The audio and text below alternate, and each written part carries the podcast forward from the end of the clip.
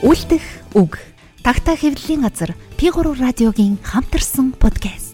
Та манай подкастыг Тагтаа цэгмэн сайт P3 радио FM 119 долгионоор хүлээн авч сонсоорой.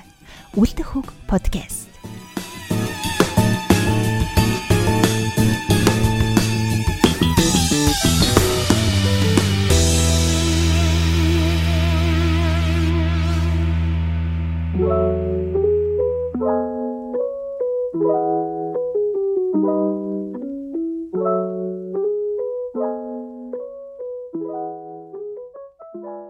Тагтаа хэвлэлийн газар P3 радиотой хамтарч бэлтгэдэг үлдэх үг уран зохиолын подкастын бас нэгэн шинэ дугаар намрын бороотой өдөр эхэлж байна. За өнөөдрийн манай дугаарт Тагтаа хэвлэлийн газрын редактор зохиолч аргагч Дэлгэр Магч аа Болор цамын эзэн Монголын зохиолтой хэвлэлийн шагналт зохиолч аргагч Цэнд ойш. Ах бид гурав ингэ сууж байна. За сайхан намарч гин үү? За сайхан намарч гин, сайхан намарцгаж байна. Сайн сайхан юу тавь. За за тайван л байна да. Энэ 100 намрыг юу хийж бүтээ чаагур өнгөрөө. Нутг руугаа. За 100 бол нутгта. Намар бол тэгэл чинь араадууд ажилтдаг юм чи Монголын араадууд ажилтдаг юм чи нөнгөрөө тэгэл. Жаал зогоо навтруулгуудаа хийчихэл. Тэгээ яг үнэндээ бол нэг тийм яг шууд одоо бариад авсан нэг тийм бүтээл энэ төр янз янз юм бол байхгүй бол. Аа завсралгаа авсан маягтай тэгэл одоо тэгэл дараагийнхаа нэг тийм төлөвлөгөө маягтай юм хийцэн тэгэл үзэлцэнтэй гэж бодлоо. Одоо нэг цас жоохоо орохыг хүлээгээл гэж байна. Өнгөрсөн жил ч одоо хамгийн бүтээлч уран бүтээлч ирэн таал байх шиг болж 3 номны ард гарчлаа те 22 он 21 онд 21 оны 11 сарын хэдэнд 2 он гарсан. Тий. Сүүлийн болохоор 22 онд. Хүүтэн дууч 22 онд. Тий 22 онд. Тэгэхээр одоо ер нь завсралгаа авах нь зөв зөв ясны юм байгаа байна л да. Цэнд аюушигаа одоо юу гэж харж ийн гэхээр нөгөө а болор цомын эзэн тийм ээ ярууны аргач гэдгээр нь бол одоо уншигчаад монголчууд бүгд сайн мэднэ. А бидний хувьд одоо юунд илүү олзуурч байна вэ гэхээр а энэ цаг үеэс маань тий одоо яруу найраг, хүүрнэл зохиол, хүүрнэл зохиол дотроо өвүүлэг тууж ин хостуулаад ингээд бичээд яг ид бичиж туурж яваа яг залуу бүтээлч бол мөн.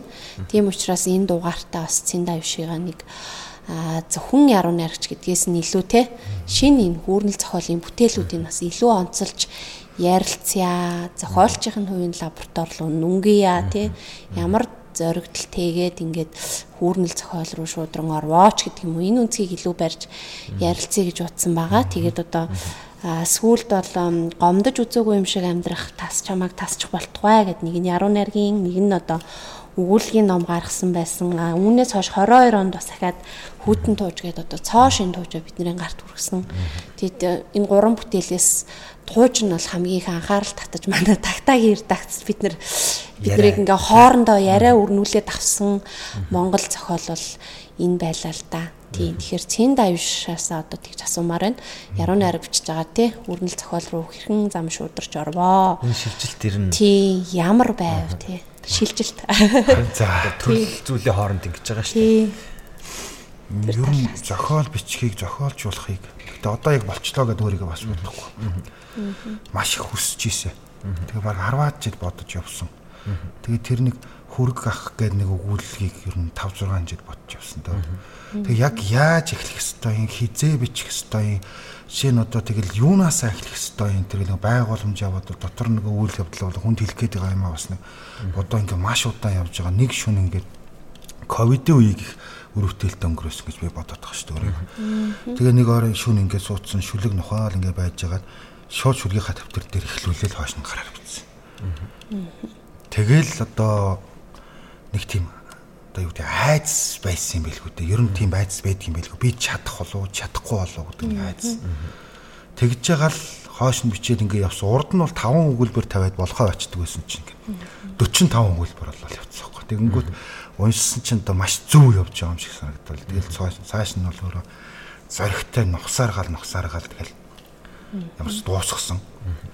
Тэгэл нөгөө нэг таа охин мэдж байгаа ш нөгөө одоо хүүрнэл чинь ингээд битсний дараа нэг маш их билүүдүүлдэг те их зовлонтой бүр зүхтмаарч юм шиг заримдаа тийм байдаг юм байлээ шүү дээ. Тэгэл ер нь За энээс би одоо юу гэдгийг ер нь нэг л бичиж эхэлсэн юм бол ер нь зүгт саргаал ер нь ард нь гарна гэж зүгт саргаал. Тэгээд тэр тас чамайг тасч болтгоо гэдэг номын 5 өгүүлгийг юмсан бичиж тавьсан.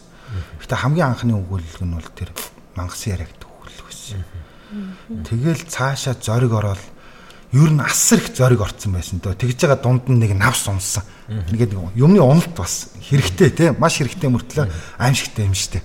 Дунд нь навс унаал тэгж унахаасаа өмнө бүр дахиад 4 5 өгүүлэхийн санаа энэ төр тэмдэглээ тавьчихсан. Өөр тийм болцсон байж байгаа л унаал нөгөө өгүүлэлгүүдээ бүгдийг мартаал.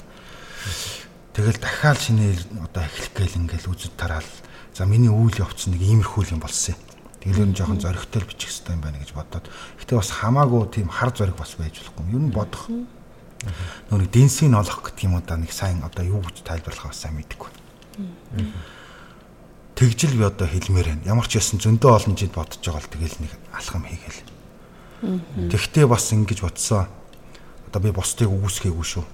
Нэг тийм бичиж байгаа бол нэг тийм өлбгөр бичихгүй шүү. Чи айдаг юм ач гэсэн зоригтой бичин шүү гэж. Тэгжил бодсон. Аа. Нөгөө Маргарет Итүүдийн үг лөө үгний дараах үгний дараах үг гэдэг бол сүр хүч юм гэд тэ. Надад болохоор нөгөө Цин Давшийн хүүрнлийг уншихаар яг яагаад энэ үг орж ирсэн гэхээр одоо чи түрүү хэлж шít нөгөө 5 өгүүлбэрээс цаашаа явдггүй байсан бол 45 өгүүлбэр өчсөн тэ. Тэр үгийг хүүрнэлт чинь тийм ээ яруу найраг бол одоо яа тийм тесрэлт ямар нэг маш хүчтэй мэдрэмж өөрөө ирэхгүй бичүүлдэг бол хүүрнэлт бид нар яг нэрээ үгний араас зөв үгийг олж тавьж үгийг үргэлжлүүлж байж те тэр зохиолуулдаг. Тэр уур яг одоо цэн давштай юу тийм зовлонгүй юм шиг уншихад те. Тэг бид нар хоорондоо ярьж сахад ингээд ихэнх монгол зохиолчдийнхоо зохиолыг уншихаар ингээд нэг тийм сэрэг яваад идэг Хүүрнэл чинь ингээд нэг өөрийнхөө уур амьсгалаараа анханасаа хүнийг татаж аваад л те цаашаа ингээ уншихад хүртэл зовлонгүй байх хэрэгтэй шүү дээ. Тэгэхэд яг зүгээр ерөнхийдөө нэг тийм сэрэг бичээд идэг бид нар дутагдал байдаг тий. Тийм оочон цоочин үсрэл тий. Тийм.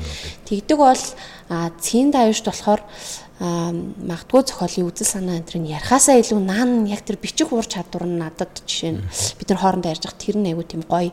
Тэгээ за ингэж бичиж чадаж байгаа бол те а үүн дээр ямар ч үзэл санаа одоо юуны ч тухай бичиж бол болох юм байна. Нэг бичиж бол бас те чадаж байна гэдэг өөрөө айгүй гоё олзуурах ууштай.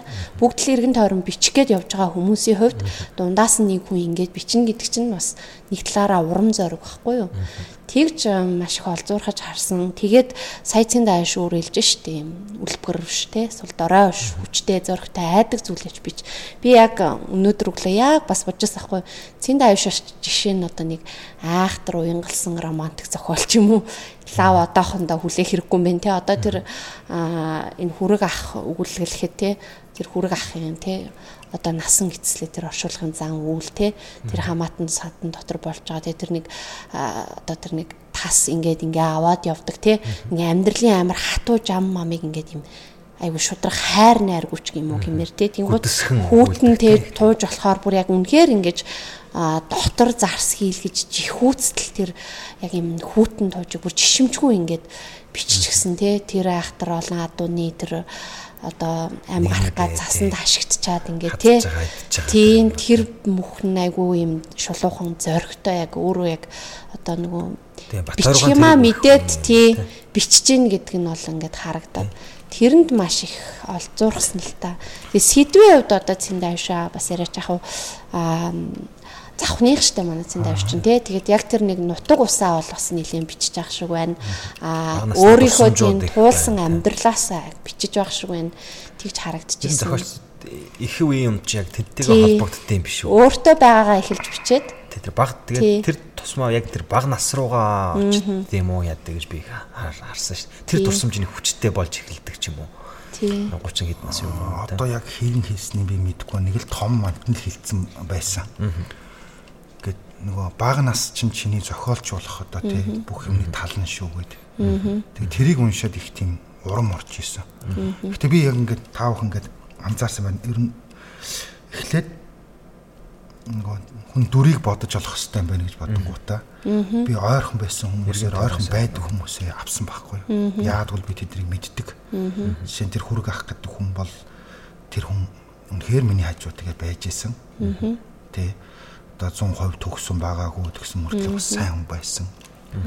Тэнгүүт тэрийг аваад ингэж бүтээгээд тэгэнгүүтээ а тэр одоо юу гэдгийг хүүтэн тууж дээр тэр том ах додуухаа хоёр гэдэг бол хоёулаа л бас манай нутагт байдаг тийм үү? Том ах нь бол миний нах зах байж ах жишээ нэ тийм ээ.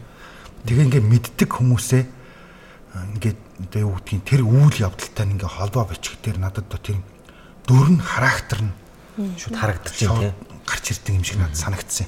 Тэгээ энэ бол ингээд бас зөв ихлэл байхаа гэж. Тэгэхээр нөгөө нэг сая мэддэг юм юм аа тийм ээ. Ингээд уран зохиол болгох болгох одоо юм алхам их уран зохиол болгох хоёр бол энийг зөв арга юм байна гэж. Тэгээ ингээд түрүү нөгөө 10 хэдэн жилийн өмнөөс л ингээд зохиолч болох юмсан гээл хайгаал ингээд бодоол ингээд яваад байсан тий. Хагаал яваад байсан чинь ингээд миний нөгөө өссөн 5 хаантай гэр дотор байж байсан байхгүй. Тий. Яг миний ингээд хажууд ингээд байж байсан. Тэгэл энэ тэгээ яг юуны тухай бичих хэвээр юм бэ? Сэдвээ яах хэвээр юм бэ ингээд бодсон. Зөөчлөөрэ надад бол одоо тэр уулан дээр гараа сууж байгаа балдангуй тамхиттай бодож байгаа бодол модл бол үнэхээр сонир биш санагдсан л та.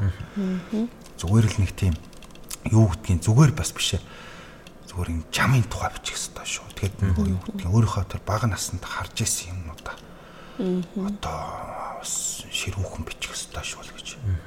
Тэгэж бодоол н тэгэл үзэд тарсан дөө заримдаа ч одоо айхч тийм мэдрэмж энэ төр бас төрсөн шүү дээ.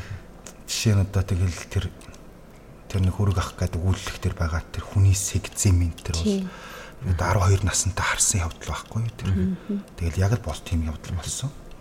Тэгэл тэрийг авцраа ширээн дээр тавьж байгаа л ингээд шүн суугаад бичих юм тэр. Тэгээд хажууд нь би бас эм ороод лама барих дуртай байхгүй юу. Тэнгүү сүүдэр мөдөр нэг сони харагтаал тийм ээ. Зүгээр тийм мэдрэмжүүд бол байсан.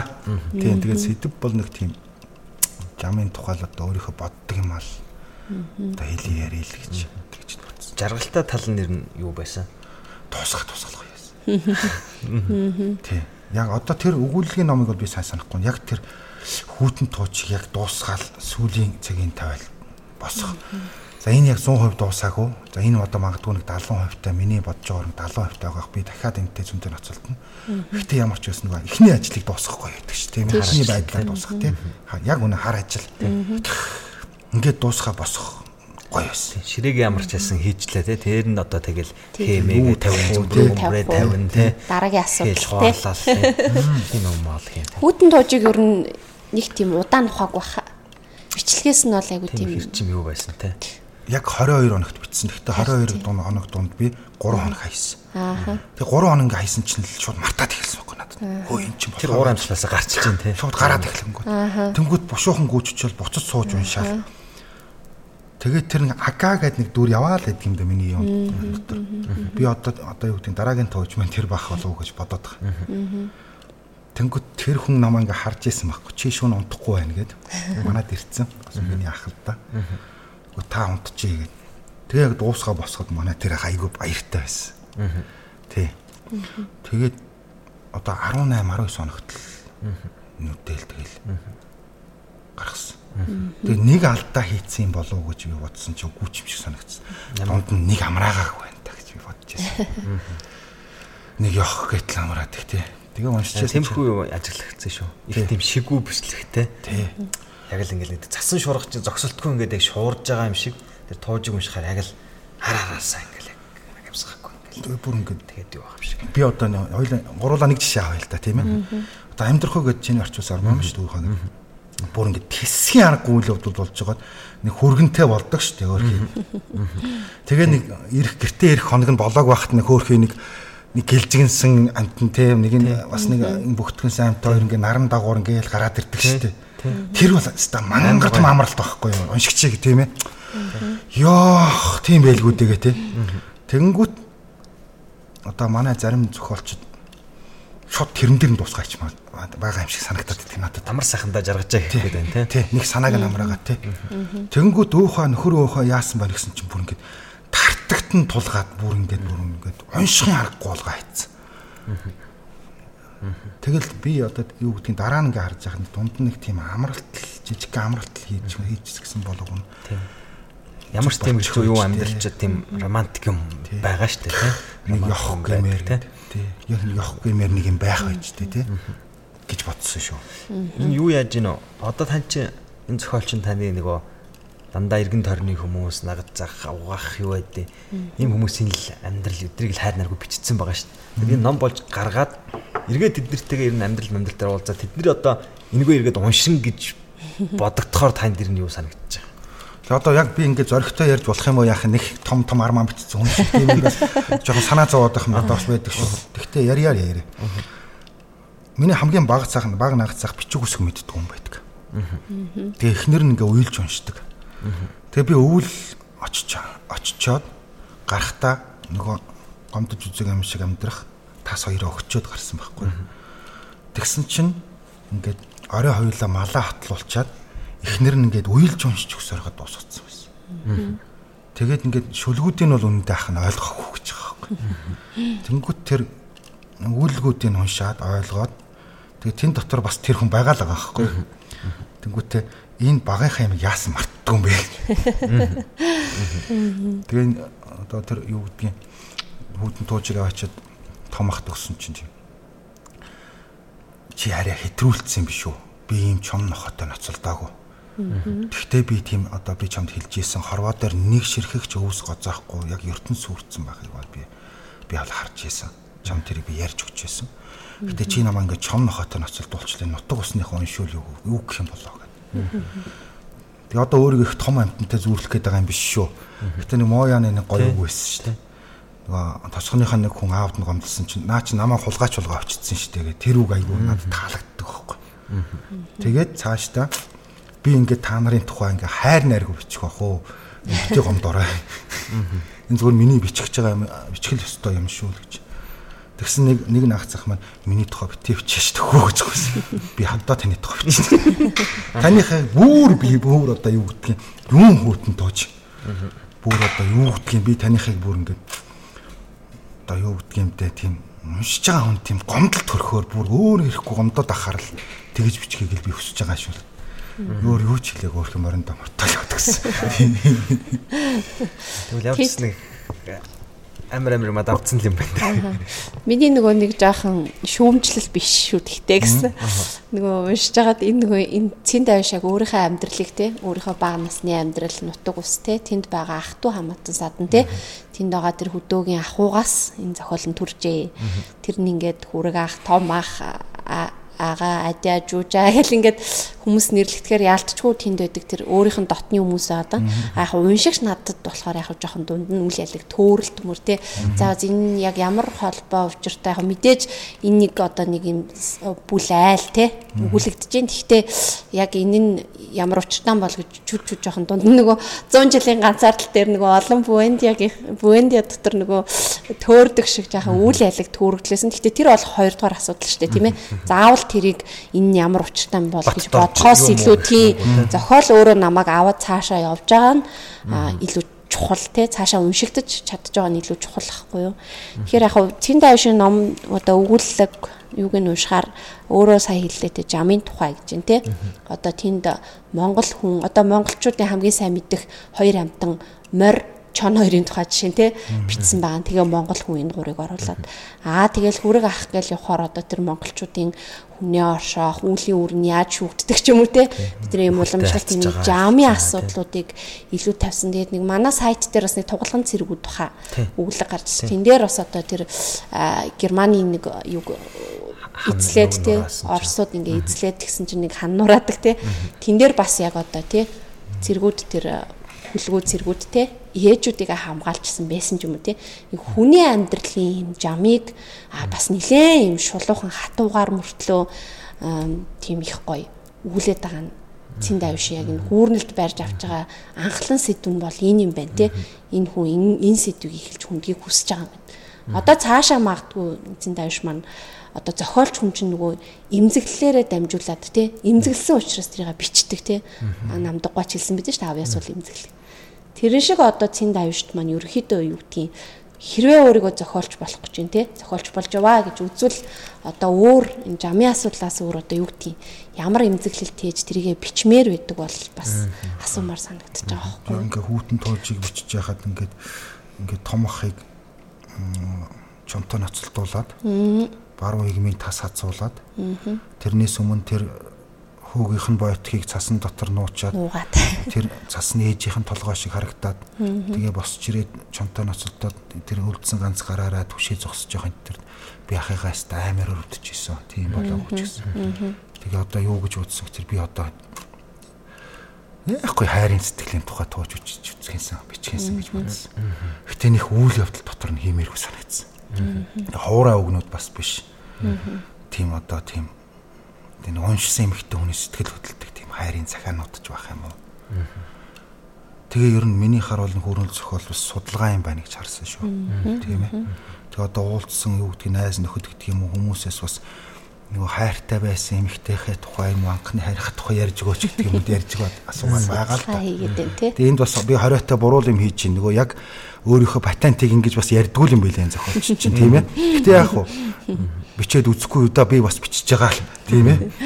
Тэгээ нэг тийм хайрын тухай нэг тийм одоо юу гэдгийг нэг тийм тэн дотор нэг тийм хатуу юм, хөтүү юм тийм нэг одоо муу одоо муухай гэдэг юм уу тийм юм биш уншсан эмэгтэй хүний сэтгэл хөдлөөд нэг тэр үед нэг одоо тэр нэг гомдол байсан бол тэр нь жоохон нэмгрээд тэгээд амьдралыг нэг тийм гоёор хайрлаа тэнгэр газрыг гоёор хараад явах хэмжээний нэг тийм тууж үчхийнсэн да гэж бодоол тэгэл бодоол одоо яваад л байгаа л энэ л тал гэж хэлж байгаа.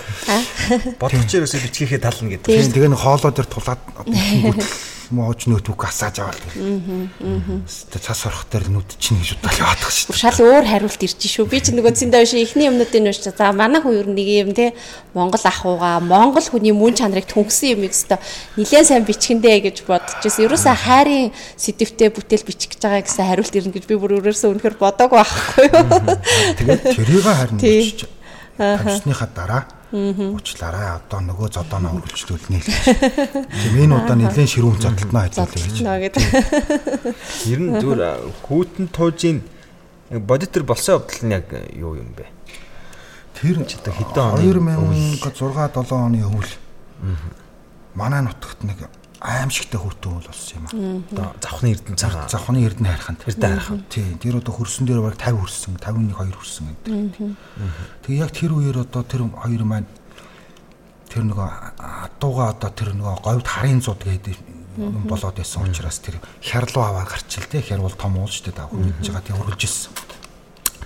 Тэгээ байжгаад аа, хүүтрээл одоо цасаар нүдээд эхлэнгүүтэл одоо 72 цаг энэ одоо бараг л 80 орчим цаг юм да.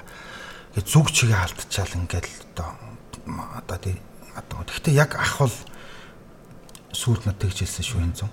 600 адуу гэдэг чи юу ч биш штэ. Тэгэхэд 1000 адуутай байсан штэ гэж надад хэлсэн.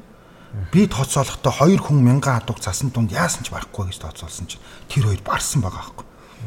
А гэхдээ тэд дундаасаа 700 гарны нь бол алдсан байгаа байхгүй. Тэнд. Тийм ээ. Зарим нь цасан дугааж өгөөл, зарим нь зүг чигээ алдаал. Тэгэл яг юу болоод байгааг нь мэддэггүй бол.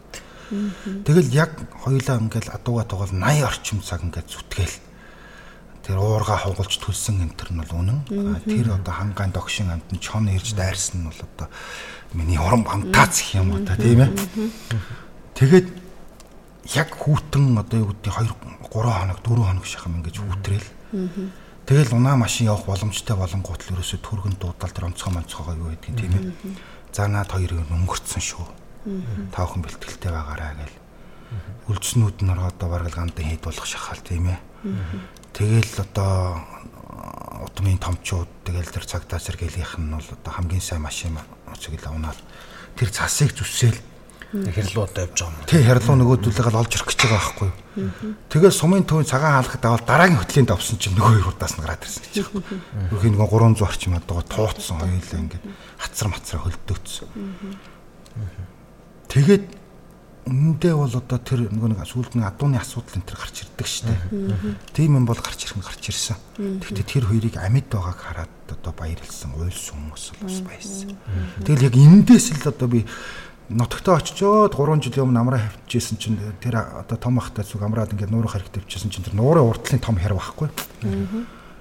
Тэг яагаад ч юм нэг хорвоод дээр нэг ширхэг одоо өвс гоцоохоо байцхийг л дахин үдсийн дагдаг үг л надад тест. Шууд толгой хараар тас гэл орж ирсэн. Тэгэл яг энэ түүхийг би яаж бүтээх хэвтэй юм бол дан одоо тэрүүгээр нь зөвхөн адуу тууж байгаагаар бичсэн бол жоох антгүй штэ. Тийм ээ. Тэнд одоо ямар нэгэн одоо өөр юм болох хэвтэй гэл Тэгэл одоо тэр чоныг боддгийм үү? Тэгэл дундуур нь тэр дурсамжийн манангуудаар хулдаал. Бас бас хичээсэн гэж. Уран зохиолын нөгөө боломж чинь хүүрнлийн биднэрт олгодог боломж чинь одоо тэр дээ. Биднэрт нэг сэдв байж гин магадгүй те нэг болсон явдал байж болж гин. Тэрийг бид нэр тэр хүүрнлийн тэр нөгөө удам орон зайд те яас хийж гин дэглэх вэ те бид нар энэ дээр нь ямар санаа нэмэрлэх вэ? Хүнд бид нар юу хэлэх вэ ч юм уу те. Тийм тэгээд ард нь уншигчдад задлан шинжилж ойлгох юм үлдээх чинь өөрөө зорилго шүү дээ. Асуулт тавьдаг бол тавиад яагаад ингэв те? Эсвэл хүний мөн чанарын тухай эргцүүлэх юм уу? Хүн гэдэг чинь ямар муухай амтан бэ гэж бодох юм уу те? Тэр боломжийг олгодгоороо хүүрнэл зохиолын дээр орон зай айгу гоё. Өгөөмөр гэх юм уу? Уран бүтээлч айгу өгөөмөр тэр санагддээ ш. Хорвотлогийн хаач байхгүй тийм уулыг зөвхөн тэр өгүүлэг дотроо бүтээж болдог. Тийм тийм яг үнэн шүү. Одоо тэгэл зохиолч бол бурхан болж хувирдаг юм байна гэж. Яг зохиолоо бичиж явахдаа тийм үү ертөнцөө шинээр бүтээж ин хүнээ шинээр бүтээж тийм ээ. бурхнаа шүү дээ тийм. шуурга тий чон нохоогоо шинээр бүтээж ин. Манай хоёр тэгтээ яг шоронд ороо тэгэж зодуулсан бас үний юм шүү. Энэ хоёр үйл явдал хоорондоо жоохон зайтай. Энэ жилийн юутай тэгээ үнэхээр одоо тэр чихэн тэгээ юм сонсгоо байцсан гэдэг гэлжгэнсэн гарч ирсэн мэрснийг нь бол одоо тэр хүүхэд ах нүдээр харж байгаа тий тэр хүн бол одоо манай удам дотор хамгийн эрэмгийн байхгүй юу. Та бүхэнд бас харагдсан л байж магадгүй. Хамгийн эрэмгийн одоо зоримг нь бусд нь бол нэг тийм зөөлөн хүмүүс. Тэгээд тэрмэн л энийг давна да гэж бодвол тэгэж үтээсэн. Тэгэл нөгөө нэг түрүү нөгөө зохиолоос ярьлаа штэ гуруулаа нөгөө яаж ч болдог гэх тээ. Урд нь болж исэн тэр бас нөгөө шудраг бос үйл явдлын арталт навцаар. Тий хийцэн байсан дээ тий. Тэгээ надад бас нөгөө авууштай авууш олзуурхууштай тийм их миний одоо баяр багтлыг төрүүлсний нөгөө малчтын тэр хүнд хэцүү тэр хөдөлмөрийг тий гаргасан гоё. Манайх ч малчтай их тийм жаргалтайгаар ядаг штэ. Морь оноо талдаа ингээд явж байгаагаар тийм ээ. Амар жимээр амьдарч байгаагаар гэтэл чи ингээд дөрвөн цаг эргэлтэнд ингээд явж байгаа. Асар хүнд хүнд юмнууд байдаг байдаг штэ ер нь бол. Асар хүнд хэцүү. Чи дулаан гараараа л юм байгаль дэлхийн бүх юмтай ингээд тулж байгаа штэ бид нар шуурх шуурхаар гэртээ ордог бол малччин шуурх шуурхаар малгаагаа бүчлэл гардаг хүмүүс. Үнэн шүү. Яг үнэн. Тэр юуг ингээд ингэсэн бас тэр хөдөлмөрийг ингэж гоё үнэлж ингэж харуулсан. Одоо жишээ нөгөө далайн хөөний алаг хав толгоог бас нэг талаараа жоохон санагдуулсан шүү. Тэр зохиолыг бид нар ер нь бүгд мэдэндээ тий. Амьдралын төлөө яаж тэмцдэгтэй тий. Энэ зохиолч нь зүгээр цэндайш зүгээр ахыхаа тухайч бичсэн юм биш. Цаагаараа ер нь те зүгээр тэр нэг агшныг барьж аваад цасанд ингээд хашигтаад те тэр олон адуу зөвхөн өөрийнхөө амийг биш түмний олон адууг авч гарах гэж шүү дээ. Амьдрал гэдэг чинь яг өөрөө бас цаагаараа юу лээ. Бид нар үргэлж цаг мөч бүр амьдралын төлөө хийж байгаа алхам бүр маань амьдралын төлөө байдаг. Тэгтээ хүн цор ганцхан өөрийнхөө төлөө байдгүй Эргээдтэй амьдрал гэдэг бусдынхаа төлөө магадгүй нэгнээ хайрлаж байгаа учраас тэр хайран дээр а тэр амтны адуу хүртэл хайрлаад авч гарчих гад гарч ин тэр надад зөвхөн нэг тэр том ахын додуухай хоёрын цасанд хашгирсан үйл явдал гэдгээсээ илүү те Монгол малчин хүмүүсийн амьдралаар тэр ахугаар дамжуулаад бид нар чинь амьдралын төлөө хайртай хүмүүсийнхээ төлөө цаашлаад улс их орныхоо төлөө те бид нар яг л ингэж махран амьдрдаг шүү те эцсийн амьсгалаа таттал хүн угаасаа л амьдрал өө би чи үхэх юм чинь гэж бодож бид нар амьдрдгүү тийм ээ эцсийн амьсгалаа таттлаа бид нар амьдралын төлөө байдаг гэдгийг яг Цэндавишийн туужийг уншсны дараа бодож ирсэн. Яг үннийг л гэх юм уу. Гэтэ бас би яруу найргаар үннийг бичдэг гэдэг үг нь дургу. Аа зарим хүмүүс тэгээд идэх юм би үннийг бичдэг гэж уучлаарай. Яруу найраг чинь яг үнэн бичих юм шүү дээ. Түүхгээ цаана өөр шал ундаа юм байж тий. Гэтэ яг мөөгөө хэлснээр энэ тууж дээр би яг тийм одоо юу гэдгийг тийм малчин хүний амьд Монгол хүний амьдралын тэр гашуун зовлонтойг бичих гэж оролцсон юм. Одоо тэр их одоо зуднаар бод байтлаа бог нэгийгээ зулгаадгийн штэ. Тийм ээ. Нэгийгээ зулгаагаа зогсож. Хоньны хоньныхоо носыг идэв. Тийм. Тий зогсож идэг гэдэг юм уу? Тэгэл одоо хүүхэд байхад тэдний хөгшин хоньны хараас явж хагаад зогсоогоор хөлдөөд өнгөрчжээ гэл нэг ийм зүрх шимшгэн юмнуудыг сонсогддог байсан. Тэгээ би бас юу гэдэг бодсон л доо. ингээд бичгээд оролдож байгаа юм бол чи ингээд өмнөх ах нарын те өмнөх том зохиолчдын ингээд хамтлан хийгээд дархлаад үлдээсэн юмыг араас нь мөлийлгөл нэг сайн сайхны тухай бичгээд яах гэдэг. Зүгээр тэр одоо зүрхэнд чинь одоо юу гэдэг шар ус уруулж исэн тэр түүхүүдийг л ерөөсөө ус чинь одоо чичрээ зумраа унж исэн ч хамаагүй нүдл гэж. Тааштай ч гэсэн би ер энэ үзэл бодол дээр л одоо ер нь амжирт амьдарч бич төөрөндаа л гэж. Яг л нэг хүүтэн тууж гисэн шиг нэг тийм зарсгиймэр хүүтэн хүүтэн дүрслүүд тавиасан тий нөгөө цасан юм бөмбөл шиг юм хийгээд хончиж байгаа дээ тий. Хөглөө нөгөө нэг амт нэг ямар нэг юм идэх чимээ гараад исэн чинь тий айгу амар нөгөө төр 600 адуу чинь нэг нэгнийхээ дил сүлийн идэж идэх ч юм уу. Тэр мэр ингээд айгүй амар зарсгийн мэр тийм контраст байсан шүү дээ. Контраст үүсчихсэн цагаан цасан дээр ингээд улаан ингээд тий ингэж байгаа юу тэгэл чонын тэр улаан нүд мүд гээл тий. Нилээн тийм шудраг зоригтой. Тэр тэр дүрслэлүүд нь өөрөө бас нилээн хүнийг ингээ үнэмшүүлж чадхууц тэр бол нөгөө одоо ялтчгүй тий бичгийн хүний одоо ур чадварыг тэн дээр бас гаргаж байгаамаа Тэр нэгний хаяг дийлийг тэгэж дийл сүүлийг тэгэж иддэг бол одоо 100% үнэн. Аа тэгээд тэр хамгийн сайхнууд нь төрүүлж зам гаргаад хамгийн муу нь үлддэг нь бол бас үнэн. Яг л одоо тэгэл энэ хорвооч одоо зүрх алдвал аймаар юм штэ. Хэсгээс түр яг. Хүний амьдрч бас тиймэрхүү юм шүү дээ. Тийм. Та нөгөө шүлгийн номын наашаа. Тэр номноос бас ирж шүлэг уншуулъя. Тийм тэгэхэд аль үлээ энэ нь тий. Гэтэ надад тэр юуг бичиж яах гэхгүй яасан. Тэр сумын дээр биш ээ нөгөө хэрэм дээрээс нэг улаан нүднүүд ингэж орж ирээ. Тий. Одоо ширээний сонин дүрслэлээс шүү дээ тэр. Сумын хаймрын ширээний хөл хугараад унсан тохиолдолд ихэнхдээ одоо зуул бол одоо нөгөө тосоороо ингээд унтраачдаг тий. Чоны нүдэнд байдаг энэ улаан гал бол одоо бүр галзуурдын байна айтэр гэдэг бичиж яхад бол бас тийм гоё юм болох гэж айгүй гоё шүү. Дээ. Гоё юм хөлбөр олох дүрслэл болох. Тэр бол үнэхээр таашаал үнэхээр жаргал.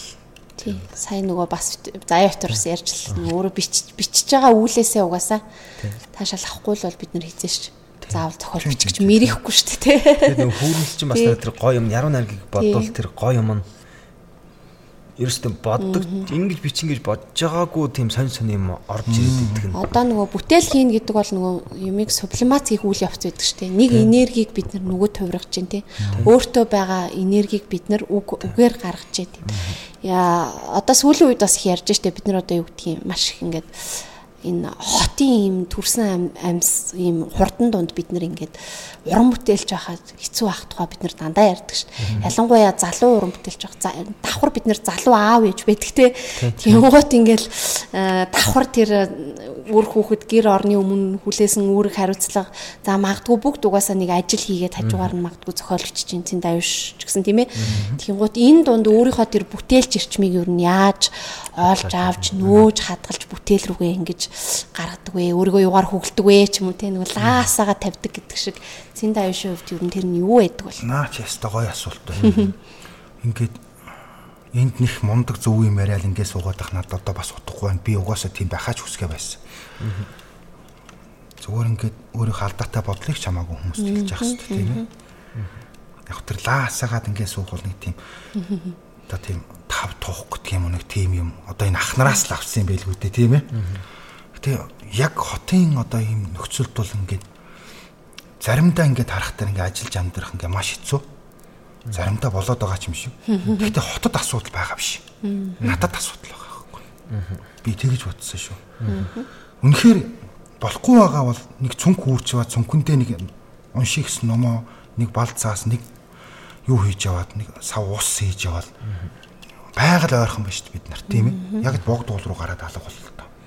Тэгээд тархитлагоогоо ядаж тэгээ онгойлгоод энэ хиний амьдралын юуны боол болоод ингээд байгаа юм тийм ээ. Тэгэхээр өөртөөгөө их ажиллах хэрэгтэй юм байна гэж бодсон шүү. Өөрийгөө хориод авах биш. Тийм өөрийгөө зэмлээд авах биш. Өөрийгөө уучлаад тэгээ өөртөөгөө ярилцсан гэдэг юм уу? Ер нь өөртөөгөө нэлээд нөхөрлөх хэрэгтэй юм байна л гэж би бодсон. Тэгэнгүүт тэнд одоо юу гэдгийг нэг тийм шудраг ус явдал болоод энд улс төр инглээ тэглээ энэ төр гэл сүүлүүд яг юу гэж бодсон гэдэг бүгдийг хай чи өөрчилж чадахгүй гэж өөртөө хэлсэн. Чи чадах юм аа л хий. Тэгээ миний энэ бодлууд алдаатай бодол юм оноотой бодол юм би мэдэхгүй гай ховоо утсан ч бодлож магадгүй. Гэхдээ тэр нэг улс төр яриад орилоо чарлаад байдаг хүн хүн бол уучлаарай чи биш юм байна чи зүгээр л юу гэдгийг гэр бүлтэйгээ одоо юу гэдэг хамт олонтойгоо ч гэдэг юм уу найз найз нөхдөдгөө сайхан харилцсан. Тэгээд өснөхий тэгээ өөртөөгөө хамт байх одоо яаж ч хүнтэй хамт байсан эцсийн эцэст өөртөөгөө байх цаг хугацаа гэж нэг юм байна. Тэгэхгүй бол нөгөө хамт байгаа хүнээс алхаач шүү дээ өөртөөгөө хамт байж ич нөгөө хүн чинь онгойж сайн одоо аятайхан болж ич нөгөө хүмүүстэй хайрлагддаг юм байна шүү дээ. Тэгээ би яг тэгж л бодсон. Хотод асуудал байхгүй надад асуудал байсан биш. Тэгээ хүн нэг бүрт асуудал байгаа болохоор нийтдээ хот маань асуудалтай болчихж байгаа юм болчиход байна тийм. Тэгэл одоо юу гэдэг Монгол улс хөгжихгүй байна бид гоё амьдрахгүй байна энэ төр гэдэг үг чи ямар мохоо утгагүй юм бэ гэж. Олон хэлэгчээрээ тэгээд тийм тусгттай. Одоо тийм байлгүй. Гэхдээ бид нар шиг 50 ах оронд амьдарч байгаа хүмүүс байхгүй мэн гэж бодсон шүү дээ. Би сайхан бас чи тэгэл хот болж амьдарч эхлэх удаагүй байгаа учраас тийм тийм шүү.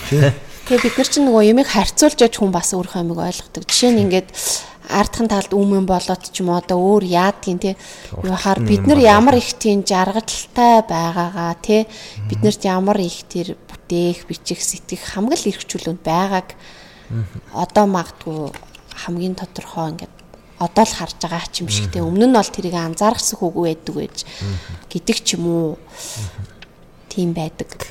За одоо чухал хойш тэгээд шүү. Одоо энэ хойшлууд яг одоо хойш гэхдээ би ганц үг болчих. Тэрийг яг харж байгаа нь их гоё тий. Тий харин тий. Хэрж байгаа гоё. Аа.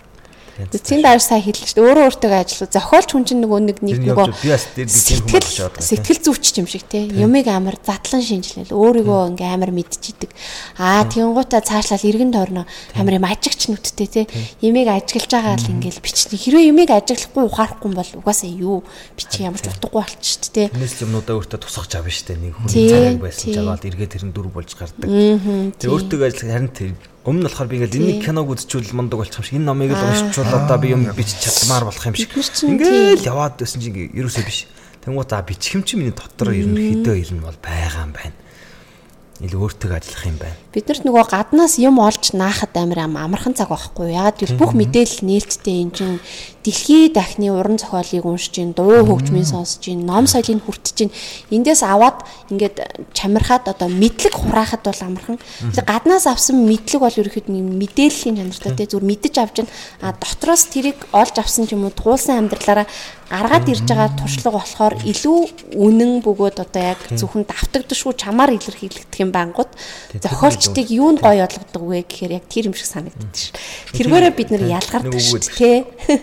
Мэдлэгт дарагдсан ухаам нь хаачаа мэдээлэл зарагдсан мэдлэг. Тийм тэднээс бид нар гаднаас уншиж сурснараа зөвхөн болов гаднаас боловсрснараа юм бичдэг бол бид нар магадгүй ижилхэн ном уншлаа гэхэд бид нар зүгээр ижилхэн л болчих. А дотроосоо бид нар тэрийг яаж харж ийн юу үзэж туулсан юм багтаа хаана байсан юм те. Тийм учраас биднээс гарч байгаа бүтээлүүд нь яг л ингээд бас хувь хувийн онцгой шин чанартай давтагдчихгүй болж байгаагаараа айгу тийм гоё санагдаад идэг шүү дээ. Бас нэг юм анзаарчихсан юу хөтер ингээд Гэт Монгол хүний амьдрал зүрх сэтгэл гэд цул хев хിവэрэ байна. Энийг бичих цаг нь болцсон юм байна. Тийм ээ. Бид одоо хятадуудын тухай тодорхой хэмжээнд уншаад байна. Амар том уран зохиолтой болсон шүү дээ. Одоо хоошооч гэх юм уу бас тодорхой хэмжээнд уншсан. За тэгээ баруун руу сайн орчуулагч нарын буйнаар ингээ нүд нээгдээл байна. Хангалттай уншиж. Тэгэнгүүтээ бид өөрсдөө юу бичих ёстой юм бэ гэсэн чинь би тийштэй агуу том сэдвээр байгаа авчиж бүр сэдвийн гуйлахчингууд болцсон байгаа. Би яг тэгж утсан. Тэр энийг сонсож байгаа авьяастай сайхан залуучууд миний үг муухай сонсогдож магадгүй. Гэхдээ та бүхэн бас бодоорой гэдэг. Тэр нэг энэ ертөнцийн Монгол хүн шиг тэнгэр газар тэр хорвоогийн жам ёстойгоо холбогддог тийм хүн байдаг ч юм уу ч юм уу гэж би бодсон. Тэгэхээр энийг л одоо хараасаа тэгэнгүүтээ одоо юу гэдгийг сонирхолтой гэдэг юм уу тийм ээ? Тийм аяар бичээсэй л гэж. Тийм. Энэ нөгөө сэдв амар юу байгаа талаар бид нар зөндөө те. Нэг бол бүр 13 дугаар 100 түүх мүү ингээ хаад маада бичээ явцдаг. Орчин цагийнхаа амиг унших гэхээр ер нь л ховрд 80-ад оноос хойш ингээд Тэгээд 90-ад оны тэрний юм уу шилжилтийн үе мууийн тухай юм айгу хаврхан шүү дээ. Нэг бүр байнга ярьж байгаа те бидгээд. 20 дугаар зуучааг битүүмөр гэдэг шиг байгаа байхгүй. Тийм, Өмнө яг 20 дугаар зуучаа одоо тийм. хилмигдүүлэлт болсон, хоёрч дайн үтсэн, нэгдэл чиглэлзээд буцаа задарсан. Хамаг сэдв маань үүцэнд байгаа даа ч юм шиг тэрийг нэг гаргаад бичих. айгу гоё тийм баялаг зуун болсон байгаа. Тий. Тийм тэгээд баялаг. одоо бас нэг гоё юм зүгээр бид нар ингээд дундаасаа хин нэг нь хийгээд эхлэхээр хүн яг тэрийг дагдаг байхгүй. Яа би ч гэсэн яг ижлэг ингээд бичиж чадах юм байна те. Сайн энэ хажуугаар нь бас юм хантай мэдрэмж чи хүнийг ингээд ганцаараа явах магадгүй хэцүү шттэ. Тэгэхээр ингээд өө за өө би чинь хоёулаа юм байна, гуруулаа юм байна, энд цэнд аюуш байгаа юм байна, энд муу байгаа юм байна те. Тэнд одоо баясаа байгаа юм байна гэд энэ бодол чинь өөрөө хүнийг бас ингээ урагш нь илүү а, явах юм байна. Замын маань ингээд илүү юм цэлхийлгээд байгаа байхгүй хажууд хүн байгаа тийм тий. тэгээд гоё юм олоод олоод уншихаар бөөн баяр нөө такта прайсыг хийгээл нөгөө бүтээл шалгаруулал. Тэндээс нөгөө гоё шүлэг мүлэг ингээл олж хэвээр бөөн баяр болж байгаа юм чинь. Тэр бол магадгүй хүн өөрөө хийж бүтээхдээ баг энэ зэрэгцэх бас тийм яг цаг үеэсээ юм олох гэдэг өөрөө маш гоё тийм Тэр хөг гэж тэр баг. тий яг нэгнээ хөглж байгаа байхгүй тий. Та прайс хэдэн сард болдог үлээ? 20 жил. 2 жилд нэг. сая нөгөө өнгөрсөн хавар боллоо Тий. Шилдэг тууж өгүүлэг тийм ээ. тий 3 шилдэг тул орчуулга, яруу нариг, бог. Энэ гурван тул. За гоё яна гороолаа гоё. За одоо шүлэг Шүн. за тий За би нэг багын шүлэг унш.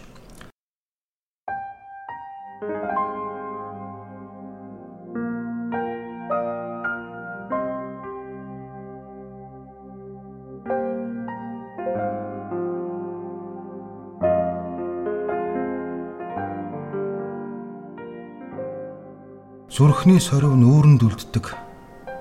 Үрчийсэн эмиг минь үе үе инээ. Тэм их гомдлын дараа шүү дээ.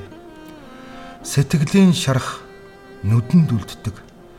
Дэрчийсэн эмиг минь дэрэн дээрээ уйлна. Тэм их амьдралын дараа шүү дээ.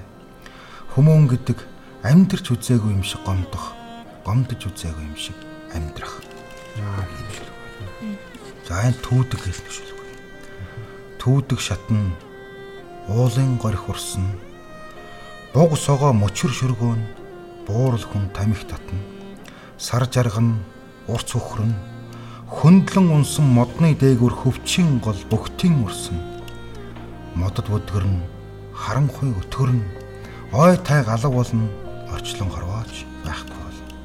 Салхи сэвэлзэн олон мянган мөчөр шуугн морд тургална олон мөнгөн одод гэрэлтэн хөдөр үндэс малтан хандгай нуурын ёроол зогсно булг устай хамт урсаж ярина буур ланчны хоолой загар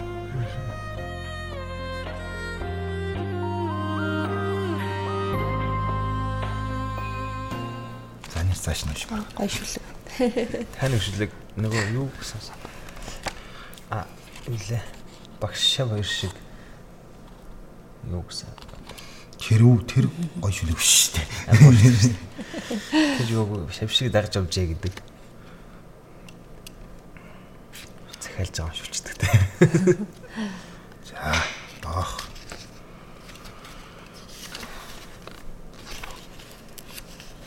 Та нар одоо яг ингээд толгоонд чинь яг ингээд одоо юу гэдэг шүлгийн санаа ч юм уу зохиолын санаа орж ирэх шууд тэмдэглэж авдаг. Үгүй бод бодчихдээ шүү дээ. Бол бод бодоол дээ.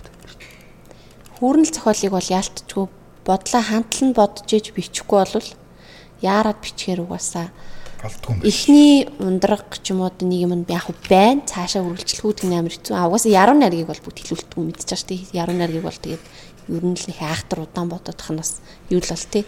Би нэрээ эцсийн давшаас дахиад нэг асуучихгүй. Яг нөгөө хүүрнэл дээр ярихаар ч яг юу ахгүй одоо чинь тууж байна штий.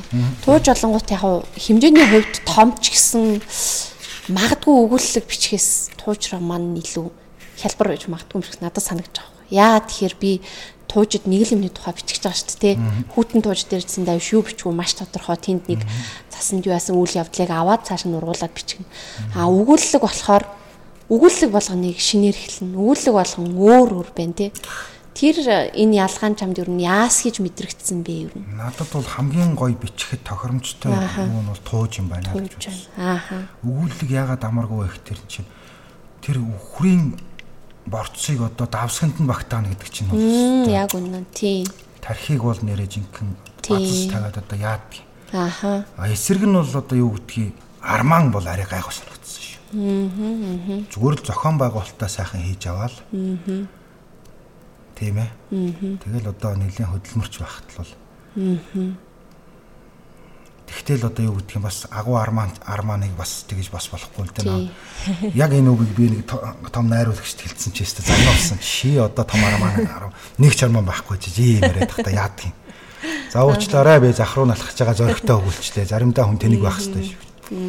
Тэгтээ өгүүлэлэг бол яг тэр одоо тэр өнгөлцгөнд нь багтаана гэдэг чинь. Тэгтээ багтаач чаддаг хүн цөөхөн шүү дээ тийм ээ. Миний хайртай зохиолч хүн Монголоос одоо жагдлын лав гэдэг хүн бол ястаа нэг жинхэнэ тоглодог шүү дээ тий. Аа яст хойш нь шүлэг хүчээд байгаа ч юм шиг. Багтаа нэг тэрийг л хэлдэг баг. Аа үүний эсрэг нэг тийм 3 4 зузаан хуруу зузаан тийм ээ. Навсаас юм барьчаад би арман бичлээ би арман энтер гэж яриад байх эсрэг би бол тэрний эсрэг байдаг. Гэтэ аль мундаг арманыг тэрх үү. Гэтэ сүүлийн үед бол бас арманы үер болж байгаа шүү дээ. Арманы үер болж байгаа ч гэсэн сайн арман цөөхөн л байгаа юм даа гэж хоёр дугуй аян замын тэмдэглэл.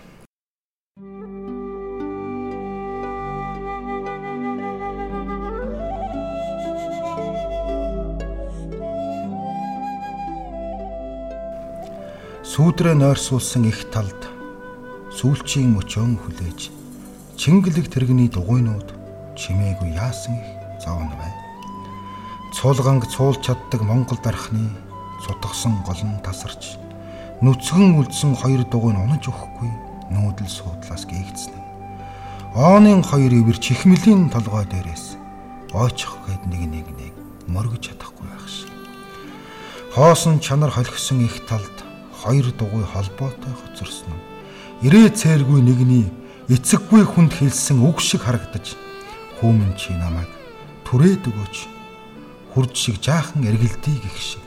Эсвэл хүмүн чи намайг эвдээд өгөөч ээж гэх шиг.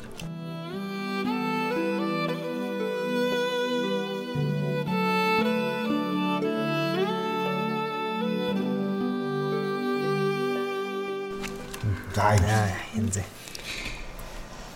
За тэгэхэд манай утга зохиолын үлдэх үг подкастт энэ дугаарт маань болор цомын шагналт яруу найрагч, зохиолч, сэтгүүлч Цэндэ аюуш маань оролцлоо. Цэндэ аюушгаа бид нэр хүүрнэл зохиолт хүл тавиад амжилттай бичиж яваа. Залуу хүн гэд утгаар нь бас тий. Уншигчд маань баярыг хуваалцж байна. Номыг нь бас уншаасай гэд. За тэг үлдэх хүүгд оролцсон маш их баярлалаа. Баярлалаа. Бараа өндөрлөлгүй тий.